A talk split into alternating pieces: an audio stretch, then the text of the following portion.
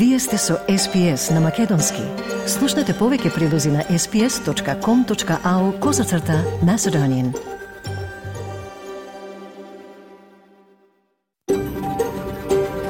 SBS, a world of difference. You're with SBS Macedonian on mobile, online, and on radio.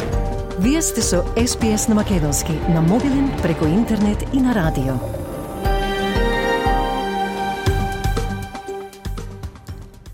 СБС им оддава признание на традиционалните собственици на земјата, народот Воронџери во припадниците на нацијата Кулин и нивните минати и сегашни старешини.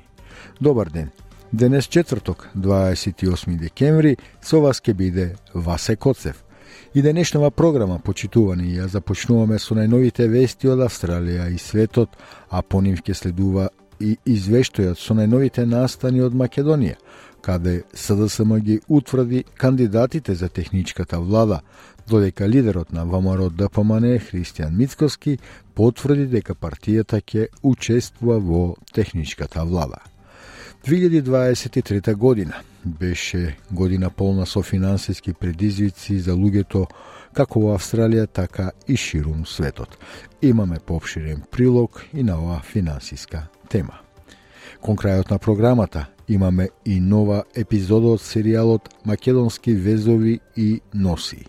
Денес ќе слушнете повеќе за носијата од регионот на Скопска Блатија. Останете со нас, следуваат најновите вести.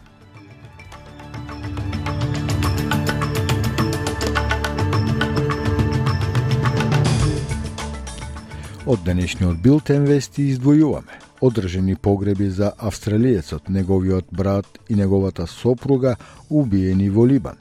Над 40 загинати во екстремните временски услови во Демократска република Конго. И СДСМ ги утврди кандидатите за техничка влада, а течат разговори и за изборни коалиции. Слушајте не. Градоначалникот на Либанскиот град Бинт Джебел вели дека нападот во кој загина австралиец како и неговиот брат и сопруга е целосен шок. Во текот на ноќта беа одржани погреби за либанско-австралиецот Ибрахим Бази, неговата сопруга Шурук Хамут, либански државјанин и неговиот брат Али Бази.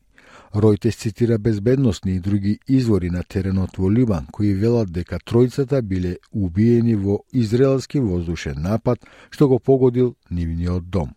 Градоначалникот Афив Бази вели дека неговиот град е неутрален во конфликтот меѓу Израел и Хамас и дека воздушниот напад бил целосен шок. والمفاجاه انه ضرب احياء مدنيه يعني الناس عايشه طبيعه ما, ما تركناش يعني عايشين بطبيعتها It was a surprise that the Israelis hit a civilian neighborhood. People are living normally, they have not fled. We did not flee Bin Jabal. all residents are still in Bin Jabal. We hear the bombardment and the shelling, but it was still far away. The town was neutral, but we were surprised that a civilian neighborhood was hit. Civilians, a groom who came from Australia to take his bride. They were spending time together along with his brother at his brother's house. Really, it was a surprise for us. Израелската војска соопшти дека во последните денови напаѓа цели на Хезболах во Јужен Либан, како одговор на нападите на либанската милитантна група врз израелски цели. Бројот на луѓе кои загинаа од тешките временски услови кои го погодија источниот брег на Австралија се зголеми на 10, откако беше пронајдено машко тело во областа Источен Гипсланд во Викторија. Во Квинсленд посмртните останки на две жени на возраст од 46 и 40 години беа пронајдени во близина на Гимпи, додека за тројца мажи исто така е потврдено дека се мртви откако нивниот брод се превртел во заливот Моретон и 59 годишна жена е убиена од паѓање на дрво на Божик, додека властите го пронашле телото на 9 годишното девојче кое исчезнало во поплавите во Бризбен. Во Викторија, 44 годишен маж од Буњип беше убиен на Божик од гранка што паднала, а полицијата во кампот погоден од поплавите пронашла тело на жена што се уште не е идентификувано. Полициската комесарка во Квинсленд, Катрина Керол, ги повика луѓето да ги следат упаствата дадени од властите додека ситуацијата продолжува. So the events have certainly um, taken a tragic turn in the southeast. So can I ask, please, that everyone heeds those warnings, that they really listen to authorities, they stay out of those dangerous conditions. Во меѓувреме во близина на јужниот брег на Нов Јужен Вилс ке продолжи потрагата по маж кој исчезнал во морето додека спасувал член на семејството.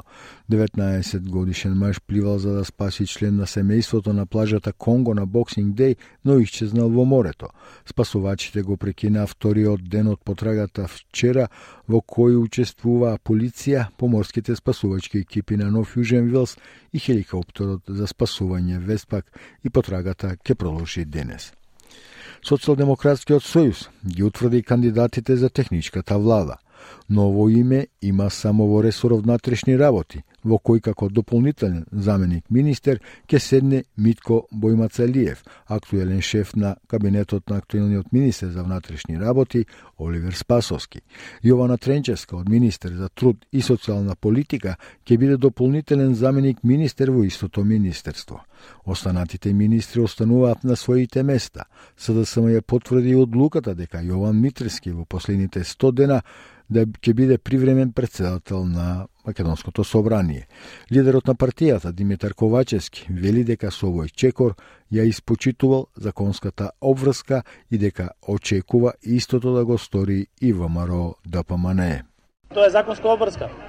Тоа е исто како мене да ме прашате дали ќе поднесам оставка на 100 дена пред владата. И ја да ви кажам не ќе поднесам на 96. Тоа е непочитување на закон. Така да мислам дека сите политички партии согласно со законот за влада и законот за избори а, треба да ги исполнат своите обврски и да не се остава никаква дамка на изборниот процес. Според утврдените датуми, техничката влада треба да стапи на сила на 28 јануари. Првиот круг од председателските избори ќе се одржи на 24 април, а вториот заедно со парламентарните избори на 8 мај. Локалните власти соопштија дека уште најмалку 40 лица загинале во источниот дел на Демократска република Конго по силните дождови кои предизвикаа поплави или изгање на земјиштето. Хаосот во и околу градот Букаву ги остави жителите да копаат низ скалата за да пронајдат тела. 20 на луѓе загинаа во Букаву, а уште најмалку 20 загинаа во селото Бурињи на 50 километри од Букаву. Локалната жителка Иван Мукупи, која беше оддалечена од поплавите, вели дека низиниот сосед бил однесен од надојдените води. Jirani akaenda The water took my neighbor, and his children saw it all. We managed to recover three bodies under the trees, but others have not been found yet. His son came from Goma, but he went to spend the night at his aunt's house, which saved his life. At the hospital, we found the body of a boy, a girl, and their mother, but the father and another child still haven't been found. Најмалку шест аргентинци се приведени за време на антивладиниот протест во Буенос Ајрес.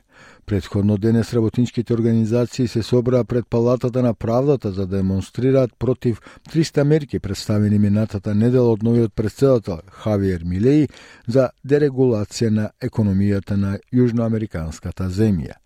Мерките има за цел да ја помогнат на тешко повредената економија, но демонстрантите велат дека се против основните социјални права и платите на работниците. Синдикатите побараа од судот предходна забрана за блокирање на мерките за окинување на заштитата на трудот, но судијата ја отфрли жалбата, истакнувајќи дека декретот се уште не стапил во сила. Тоа го прави во петок. Левичарскиот активист Едуардо Белибони тврди дека мерките уште повеќе ќе ги влошат условите за работниците. There is a violation of workers' fundamental rights in Argentina. They are attacking our wages, and people are being denied the right to protest against brutal adjustments that will affect the poor. Workers are suffering in decreases in their wages by a government that benefits the interests of the big business owners. Најголемиот австралиски оператор Порс предупредува дека спорот со платите со своите работници веројатно ќе предизвика прекини во испораката. Членовите на синдикатот па Портсволд, кој е одговорен за 40% од поморскиот товар во Австралија, се вклучени во заштитените индустријски активности за платите и списоците од средината на ноември. Договорот најверојатно нема да биде постигнат пред март. Брајан Хек, управниот директор на компанијата за транспорт на товар ИИС, изјави за 2GB радиото дека на крајот потрошувачите се тие што ќе имаат непријатности и на крајот ќе платат дополнителни трошоци. There's quite significant delays going on, and our Freight and Trade Alliance, who's one of our industry bodies, have said the industrial actions costing Australian trade more than $20 million a day Australia-wide, with a backlog of about 45,000 containers. Австралискиот комесар за информации го распрашува гигантот на социјалните медиуми TikTok, разгледувајќи го неговото ракување со личните податоци. Ова следува по наводите дека TikTok бришел податоци без согласност од луѓе кои дури и ја немаат апликацијата.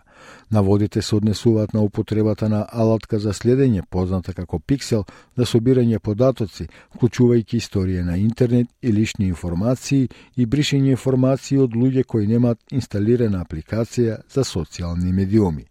Професорот по сајбер безбедност на Универзитетот Монаш, Најджел Фер, изјави за Канал 7 дека сите странци на социјалните медиуми се виновни за користење на оваа технологија, но тој верува дека таа заслужува поблиско да се провери. Well, I hope they have a, a big and far ranging investigation. I think it's really important that the Privacy Commissioner lead an investigation about what it means to participate in the online environment for Australians, the information we give up about ourselves willingly, you know, the photos that we place, the tagging that we make when we drop a photo on our feed, all those sorts of things, so that as consumers we can make informed consent about do we want to participate in this or do we want to opt out. И додека Австралија се подготвува за се пожешко лето, загриженоста за дополнителни смртни случаи од давење расте. Од почетокот на летото оваа година, Royal Life Saving Австралија вели дека веќе има 21 смртен случај од давање регистрирани низ целата земја, три случаи повеќе во споредба со истиот период од минатата година. Шест од нив се случиле во Нов Јужен Вилс, при што извршниот директор на Surf Life Saving Нов Јужен Вилс, Стивен Пирс, го објасни овој зголемен ризик од давање во текот на празничниот период. We always have like this really heightened peak of operational activity around Christmas, and unfortunately, you know, particularly here in New South Wales, it's been a really tragic start. And um, even you know, since uh, 1 December, we're now up to six coastal drownings here in New South Wales just alone. А од неновата курсна листа денес еден австралиски долар се менува за 0,61 евро, 0,68 американски долари и 37,80 македонски денари, додека еден американски долар се менува за 55,50 македонски денари, а 1 евро за 61,19 македонски денари. Да слушнеме временската прогноза за поголемите градови во Австралија утре петок 29 декември. Перт ќе биде делумно облачно со температура до 34 степени, Аделај делумно облачно до 26, делумно облачно и во Мелбурн со температура до 20 степени, Ховард ќе биде облачно до 19, Камбера делумно облачно до 27 степени, Сидни кратки повремени врнежи со температура до 26 степени, Бризбен делумно облачно до 37, Дарвин исто така делумно облачно, но до 35 степени. И во Алес Спрингс ќе биде претежно сончево со температура до 43 степени.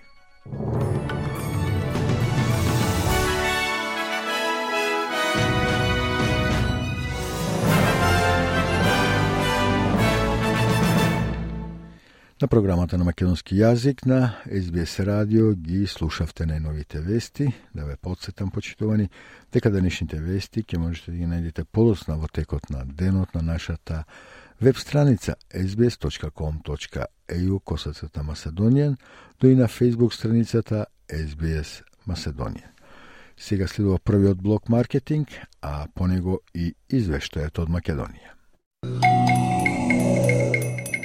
Слушате СБС радио, програма на македонски јазик. Денес со вас е Васе Коцев. Следува извештајот од Македонија денес подготвен од нашиот соработник Милчо Јовановски. Известува на повеќе теми, меѓу кои за тоа дека СДСМ веќе ги утврди кандидатите за техничка влада, додека лидерот на опозицијата Мицковски официјално потврди дека ВМРО ДПМН ќе учествува во истата техничка влада. А во Државната изборна комисија се одржала и тензична расправа на Собраниската комисија за избор за нов член на Државната изборна комисија. И народниот правобранител Насер Зибери се сомнева дека сите граѓани до февруари ќе успеат да извадат нови документи со новото име на државата. Попширно за овие настани во извештајот. Вие сте со СПС на Македонски. СДСМ ги утврди кандидатите за техничката влада. Ново име има само во ресорот внатрешни работи во кој како дополнителен заменик министер ќе седне Митко Бојмацалиев, актуелен шеф на кабинетот на министерот Оливер Спасовски. Јована Тренчевска од министер за труд и социјална политика ќе биде дополнителен заменик министер во истото министерство. Останатите министри остануваат на своите места. СДСМ ја потврди и одлуката Јована Јован Митревски во последните 100 дена да биде привремен председател на Собранието. Лидерот на партијата Димитар Ковачевски вели дека со овој чекор ја испочитувал законската обврска и дека очекува истото да го стори и ВМРО да ДПМНЕ. Тоа е законска обврска. Тоа е исто како мене да ме прашате дали ќе поднесам оставка на 100 дена пред владата. И ја да ви кажам не ќе поднесам на 96. Тоа е непочитување на закон. Така да мислам дека сите политички партии согласно со законот за влада и законот за избори а, треба да ги исполнат своите обврски и да не се остава никаква дамка на изборниот процес. Централниот одбор на партијата го овласти Ковачевски да ги води преговорите за предизборни коалиции. Сите партии што го поддржуваат европскиот пат на земјата можат да се приклучат кон широкиот европски фронт. Со дел од коалиционите партнери веќе се започнати разговорите и како што одминува времето, така ќе се интензивираат разговорите во однос на настапот на изборите. Според утврдените датуми, техничката влада треба да стапи на сила на 28 јануари, првиот круг од председателските избори ќе се одржи на 24 април, а вториот заедно со парламентарните на 8 мај. На вчерашниот брифинг со новинарите лидерот на ВМРО ДПМН е Христијан Мицкоски соопшти дека ако дуи не предложи свој кандидат за председател на државата, Ахмети нека заборави на било каква коалиција со ВМРО ДПМН е по изборите.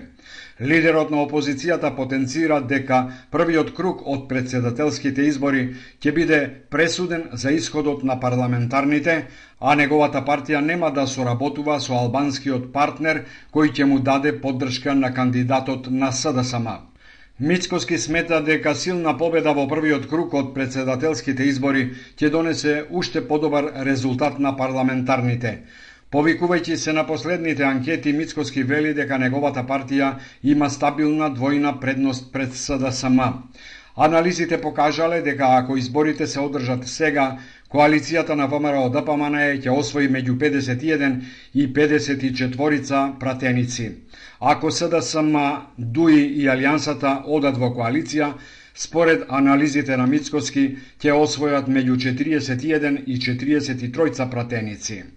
Мицкоски вчера и официјално потврди дека ВМРО ДПМН ќе учествува во техничката влада, но незините пратеници нема да гласат за предлогот Талат Джафери да биде избран за привремен премиер. Мицкоски не кажа со кои имиња ќе влезе во техничката влада, но името на Наќе Чулев циркулира како најсигурен наследник на Оливер Спасовски. Својот председателски кандидат опозицијата ќе го избира на конвенција на 3 март, а тука најголеми шанси имаат професорите Гордана Силјановска и Александар Спасеновски. Мисковски вели дека неговата партија е максимално подготвена за изборите. При крај е подготовката на програмата, а на терен веќе се ангажирани над 10.000 партиски активисти. Седницата на Собраниската комисија за избори и именувања на која се одлучуваше кој ќе го пополни испразнетото столче во Државната изборна комисија вчера почна тензично. Предложени за членови на Државната изборна комисија го ставам на гласање. Ве молам да гласаме. Процедурално, процедурално, процедурално, да отвори расправа. Председателката на комисијата Марија Георгиевска сакаше без расправа да го стави предлогот за двајца кандидати, еден од албанската опозиција, еден од новоформираната партија на Арианит Ходжа, од кој требаше да се избере еден. Мнозинството со молчење го правдаше предлогот. Опозицијата пак обвини дека новоформираната партија на Арианит Ходжа нема право да предлага свој кандидат, бидејќи не учествувала на последните избори. Дафина Стојановска од ВМРО ДПМН е рече. После мандатот кого од овде ќе погледнете во очи. И не се смејте на камери. Народ ве гледа преку тие камери. Криминалка. Вистинска криминалка сте денес. Антонио Милошовски од ВМРО ДПМН е истакна. Целта на власта не е да се избере член на ДИК, туку како да се направи компликација за да не се избере член на Државната изборна комисија. Овде на ДУИ одговара да не се избере член на ДИК. Благица Ласовска од ВМРО ДПМН е рече. На последните избори партијава, како ја рекоа, европска се европско, некоја си, не знам, не учествувала. Не знам и кога е регистрирана. Албанската опозиција која го предлага Абдуш Демири за ова место вели дека Талат Джафери и мнозинството ги кршат сите закони и се обидуваат член на Алијансата повторно да изгласат за член на Државната изборна комисија. Фадил Зендели од Беса рече. И имаш кандидат кој целата јавност во Македонија знае дека е од Алијанса на албанците. Сите знаат, знаат медиумите тука, знае јавност, а сите ние знаеме дека кандидатот е од Алијанса на албанците. А кој ќе го продолжи? Нова формирана политичка партија. Африм Гаши, председател на алтернативата, рече. Нема да дозволиме Државната изборна комисија да се состави незаконски и да продолжи да со својата работа, затоа што ние нема да учествуваме на тие избори, ќе ќе направиме се да нема да не се случи изборен процес во државата ако се ускрати ова наше право. Знаете дека првиот првиот наш услов е дека ќе го бойкотираме собранието ако не се изгласа нашиот член до 31 декември. Повеќе од 10 месеци Државната изборна комисија функционира нецелосно откако членот на Алијансата на албанците, која тогаш од опозиција премина во владата, го презеде министерското место во Министерството за правда. Во процесот на промена на личните документи има повреда на правата на граѓаните, смета народниот правообранител Насер Зибери. Тој не верува дека до крајниот рок, 12 февруари, сите граѓани ќе можат да ги променат документите со новото име на државата, гледајќи ги секојдневните редови на пунктот за вадење нови документи. Зибери уште еднаш потенцира дека за пасошите, личните карти и возачките дозволи на кои пишува Република Македонија и имаат важечки рок, а граѓаните се принудени да ги променат, трошоците треба да ги сноси државата. Бидејќи не по нивна вина овие исправи, иако се важечки и валидни, тие стануваат неважечки од 24 февруари 2024 година. Биваме информации дека тој процес тешко се одвива и дека Министерството тешко ќе стигне на време да ги обнови сите, да ги удоволи сите барања за смена на овие исправи.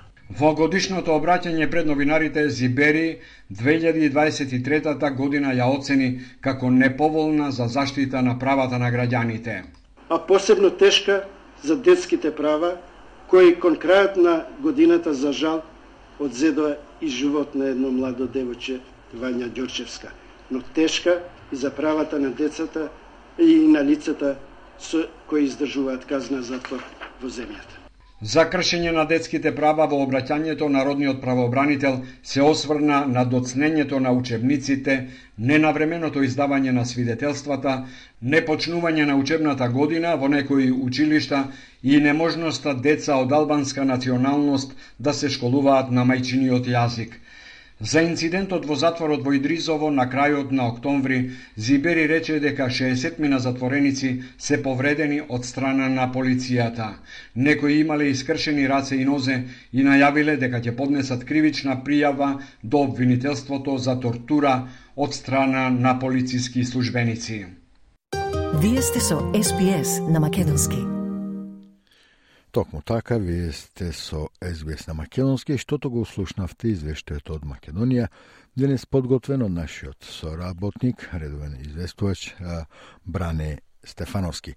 Овој извештај можете да го најдете полосно во текот на денот на нашата Facebook страница SBS Macedonian или на веб страницата sbs.com.eu косацрта Масадонија. И некој да ве подсетам почитувани дека SBS на македонски преку, можете да слушате преку радио секој ден од понеделник до петок со една репризна програма и во сабота. Исто така можете да слушате и онлайн и на мобилната апликација. Во продолжение, следува малку одмор со една убава македонска песна, потоа и вториот блок маркетинг, а програмата ќе ја продолжиме со еден интересен прилог на тема финанси од Австралија. Затоа останете со нас. Програмата на македонски јазик на СБС радио ја продолжуваме со еден прилог на домашна австралијска тема. Имено, 2023 година беше година полна со финансиски предизвици за луѓето во Австралија и ширум светот. Со оглед на тоа што цените на животот растија до невидени височини, повлијание на локални и меѓународни настани, има многумина на кои им е тешко да продолжат. И покрај тоа, следната година може да се покаже уште потешка за потрошувачите. Извештајот на Рикардо Гонкалвес и Алекс Анифантис, подготвени за SBS News, на македонски ќе го слушнете од колешката Маја Талевска.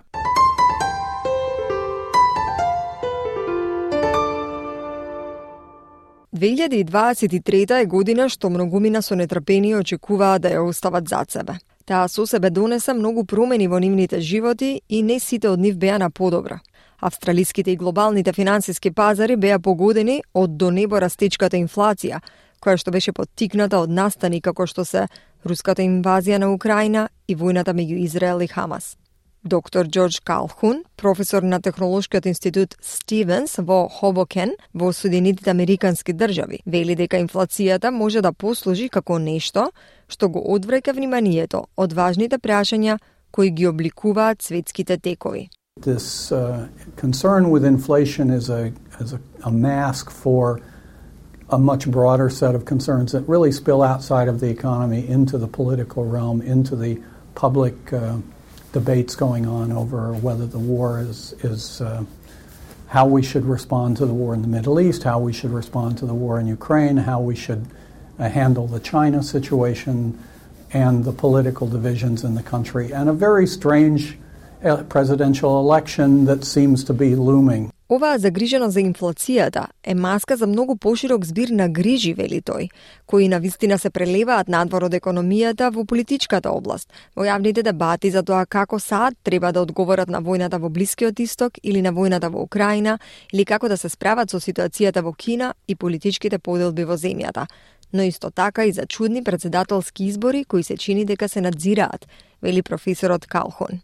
Фокусирајќи се на австралискиот пазар, имаше голем број инциденти кои оставија трага во последните 12 месеци.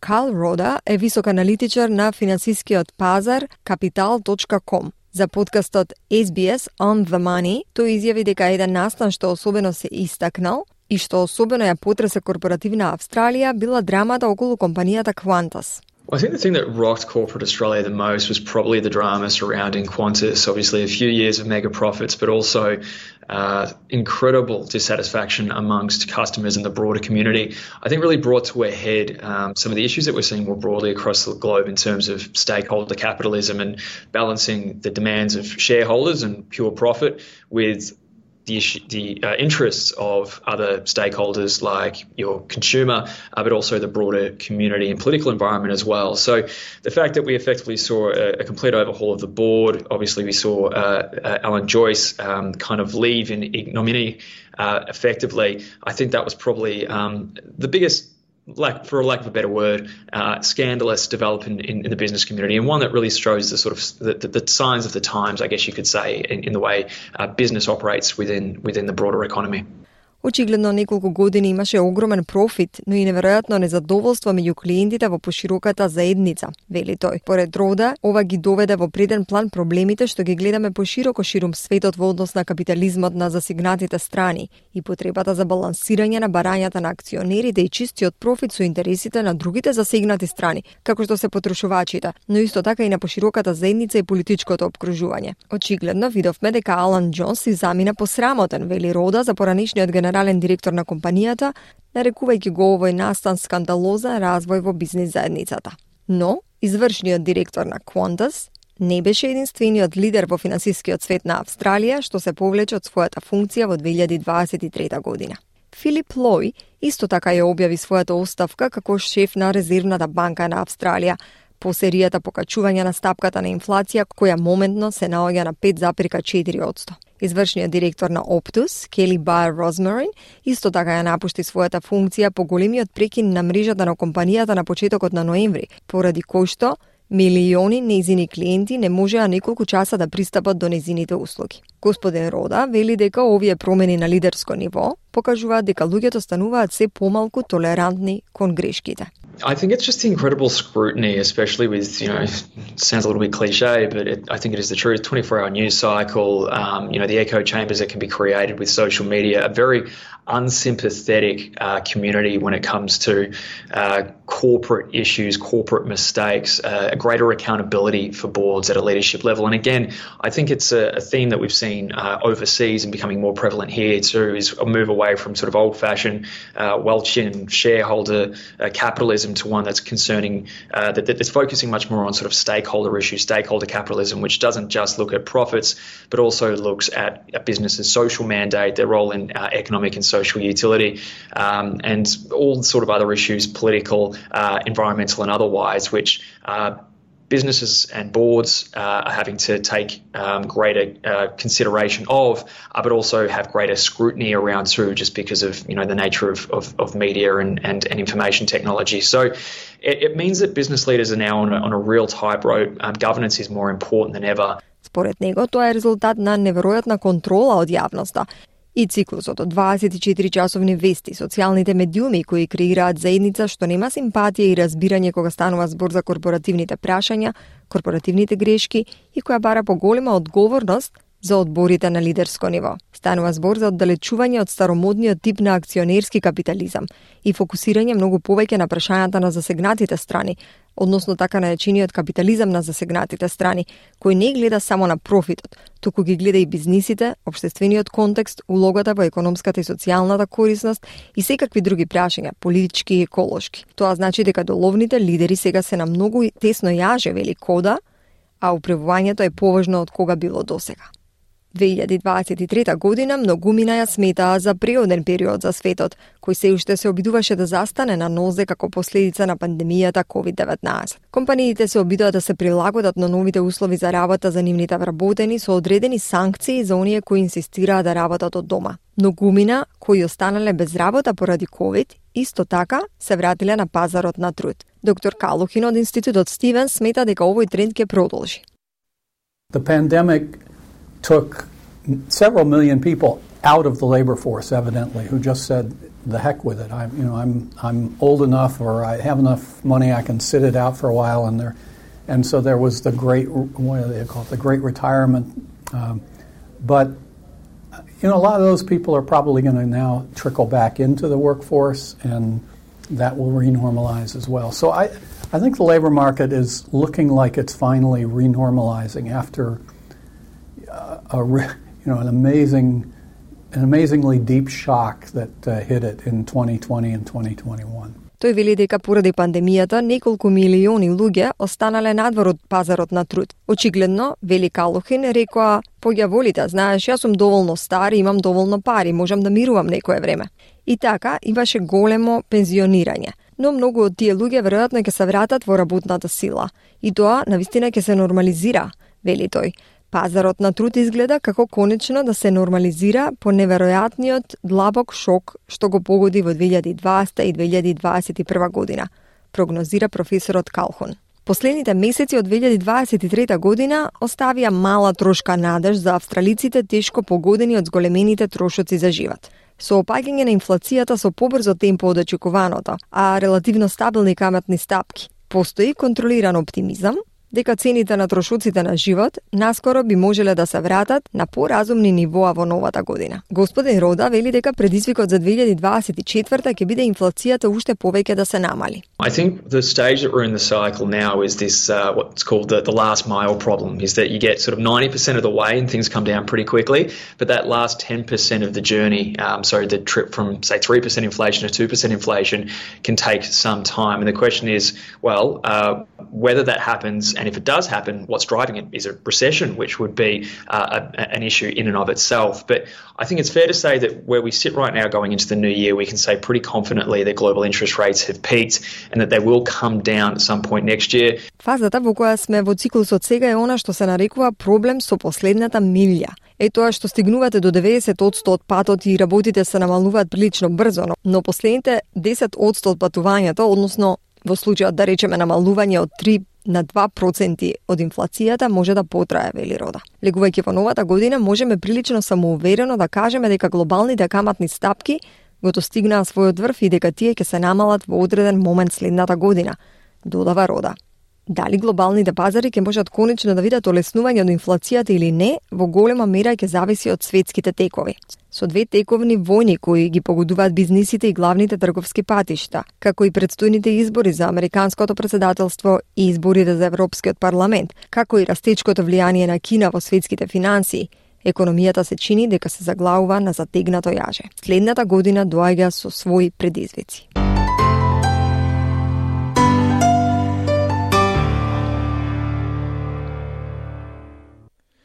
Ете, тоа беше прилогот, посветен на финансиската 2023 година, која што беше полна со финансиски предизвици за луѓето во Австралија и широм светот. Прилогот на македонски го слушнавте од колешката Маја Талеска. А, почитувани, да ве подсетам да ја посетите нашата Facebook страница SBS Macedonian или нашата веб страница sbs.com.eu косацрта Macedonian. Тамо ќе ги најдете сите интервјуа, прилози, видеоклипови на теми кои што се однесуваат и се поврзани со македонската заедница во Австралија. Во продолжение следува уште еден краток маркетинг маркетинг блог, а потоа ќе имате можност да слушнете уште еден разговор од серијалот Македонски везови посветен на македонските народни носи.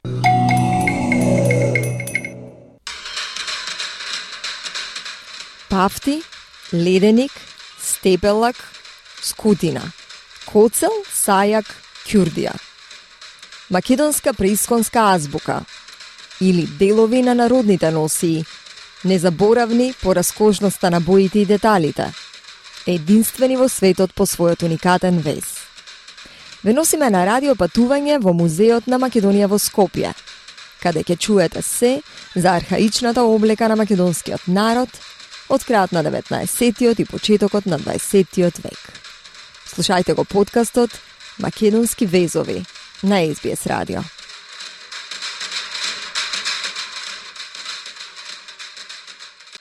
Токму така, овие е, серии разговори можете да ги слушате, да ги повторно најдете на нашата веб страница sbs.com.io косацата Macedonian, но и на Facebook а, под SBS Macedonian.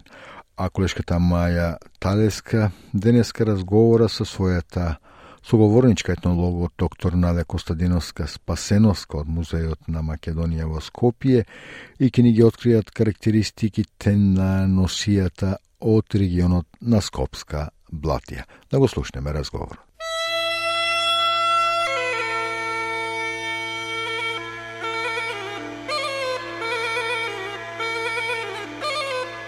Македонските народни носи се како некакво старо кодирано писмо – што денес потомците и светот можат да го разберат со помош на науката наречена етнологија. Преку овие драгоцени артефакти ние денес добиваме јасна слика за тоа како македонскиот народ живеел во минатото, како размислувал, во што верувал, од што се плашал. Па така, импозантниот накид леденик, кој представува гердан со многу парички, требало да ги пренасочи погледите на гостите од лицето на невестата, за да не ја урочат. Другите карактеристики на носијата од регионот на Скопска Блатија ни ги открива етнологот магистар Наде Костадиновска-Спасеновска од Музеот на Македонија во Скопје. Јас сум Маја Талевска. Слушајте не. Е, ова е веќе што беше на читанката, читанката за македонски јазик. А се уште имам, не знам само која дали не заборев, дали беше шеста, така. преубава читанка. Од кој период е ова? Од Скопска Блатија. Така. Значи, овие се сега во Скопска Блатија. А, тоа е другиот а, дел на, на Скопје, односно на Мукај, на Катланово, а, нагоре до Козјак, тој дел. А, тука носијата а, е специфична а, по тоа што невестинската а, носија кај кошулата во Скопска Црна Гора, значи таа се нарекува црнетица или полнетица, поради везот. Од дебел вез. Од дебел вез. Меѓутоа, истата кошула со помал вез ја носели невестите во Скопска Блатија. А, исто така и таму се нарекувала Црногорка, се нарекувала таму по Скопска Црна Гора. Меѓутоа во другиот дел од Скопска Блатија, како што ни е и ова овде каносијата, значи во делот кај од како што ја кажав Брезница па нагоре, значи тој дел бидејќи Скопска Блатија е голем голем регион, и така да и внатре се разликуваат за носиите за од еден регион до друг, да. А, да, и, да. и во, во внатрешноста на еден регион. Така, Например, од еден крај до, до друг. Да, да. да. А, така да во другиот крај на Скопска а, Блатија таму веќе имаме шар, шараноликост во, во носиите. Значи можеме да сретнеме и посвежи бои, ајде црвена, Розова. портокалова и розова и зелена. Да. А, таму имат специфичен друг вес, овој моментално што го гледаме, и тој е многу поразличен од нели останатите везови. Исто така е застапен и на ракавот, тоа се нарекуваше везот со девет цвета беа, значи како што го гледате на, на, на, на ракавот везот, фактички кога ќе ги преброите сите тие, го формува а, деветцветниот вез. А е така, има девет а, а, цветчиња. Другото исто на елекот е градот. малце различен. А, да, елекот овдека е направен со волна од туфки. Значи, гледате како се Так. е сечана и правене како а, туфки, затоа што на друго место ќе сретнеме има и реси. А, сето тоа повторно го покажува репродуктивниот период на, на жената. На градите носат гердан со многу парички, кој што се нарекува и леденик, нели, бидејќи премногу метал на, Така. на него. Верувам дека овие носи се многу тешки. Како да, може да покажам јас најтешката носија, кога Така? ќе дојдеме до нејза. Колку тежи на таква, Па, толку многу метал, па и самата волна. 30-35 до 45 килограми, која што е Мариовската и Битолската а, носеја да малку за Многу наше голема време. тежина не- за една млада невеста. Да, да. А меѓутоа и тоа исто така има друга символика, а, особено кај Мариовската носеја, ќе го видите таму големиот коцел. А, тоа означува а, повторно поврзано се со биолошката функција на жената која што ја имала во тој период, односно а, да се навикне на тежината која што ќе има за време на а, бременоста. А, Нашите се правеле смислено. Да, било- се има символика Да, и затоа е ова вистинско богатство, не само како бои, како раскош, како од секој аспект е навистина богатство. Овдека во носијата можеме да го видиме и триаголникот, кој исто така е доста застапен елемент како символ, како знак во нашите а, носии, не само на, на накитот, туку го има и во покривалата за глава, на дарпните, понатака ќе ги видите и, и сокаите. Што е значењето? Значењето е мом, а, моминство, невестинство и старост. Еден цел Циклус. животен циклус на, на жената. Многу интересно. И тој триаголник се го носат само жените? Па претежно да, бидејќи го означува да речеме животниот циклус на жената, има по во средината по некои а, од камењата кои што а, сите се со различна боја и исто така имаат своја символика. Освен... Зошто различна боја? Бојата е различна, на пример црвената боја штити од едно, зелената Аха, од друго. Се со заштита. И така, така да, особено да, кај невестинската носија се а, со заштита. Исто така и триаголникот како символ во невестинството ја означува нели и а, женскиот а, полов орган како Така. А дали ова обетка? Заштита. А, не, а, тоа е надушник, да речеме, се закачува во горниот а, дел Така. на марамата затоа што има а, има многу сега ќе видите и понатака има многу а, големи тешки обетки кои што а, кои ќе ги видите на прв поглед луѓето мислат дека ги носат на на ушите и буквално изгледа Страшно. чудно нели Да. меѓутоа сите тие се викаат на душници и се вметнуваат во а, покривалата за главата Веројатно и не било практично да се носат на нормално. ушите, па нашле друг начин. Многу интересно, бидејќи од кога датира овој овој надушник? Од 19-тиот век тоа е малку и од Го има и зна, овој знакот на кутлеш, што Да, е многу интересно. Да, го има. Исто така нели и црвената а, боја која што на еден начин го штити а, околу. Исто така и кругот е доста застапен а, како елемент повторно со сета таа магиска заштита.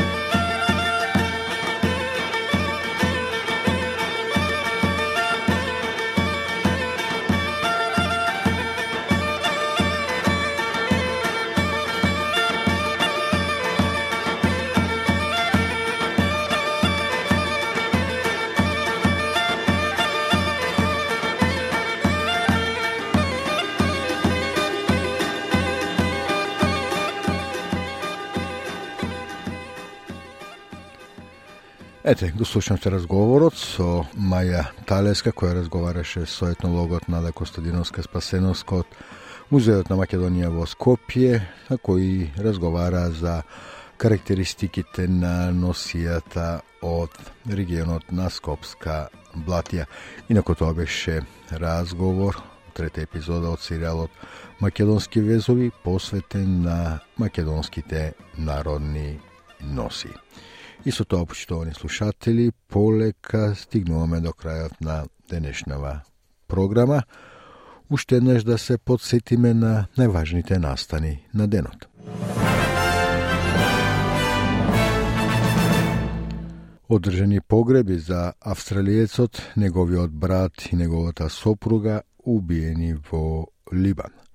Над 40 загинати во екстремните временски услови во Демократска република Конго.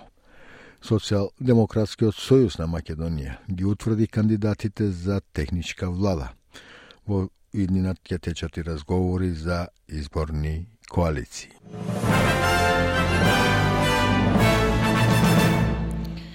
И со тоа, почитувани слушатели, стигнавме до крајот на денешна програма за четврток, 28 декември, Сушности и наша предпоследна програма за ова календарска година. Уште еднаш пред да се одјавам да ве подсетам дека за сите интервјуа, прилози и видеоклипови на разни теми, можете да ја посетите нашата Facebook страница SBS Macedonian или веб страницата sbs.com.eu коса црта Macedonian.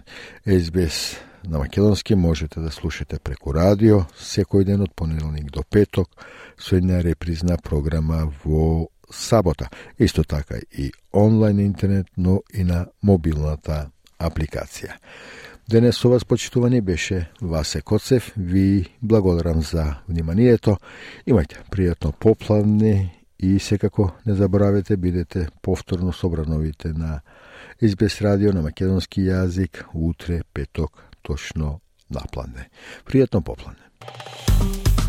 Стиснете, ми се допаѓа, споделете, коментирајте. Следете ја SPS на Македонски на Facebook.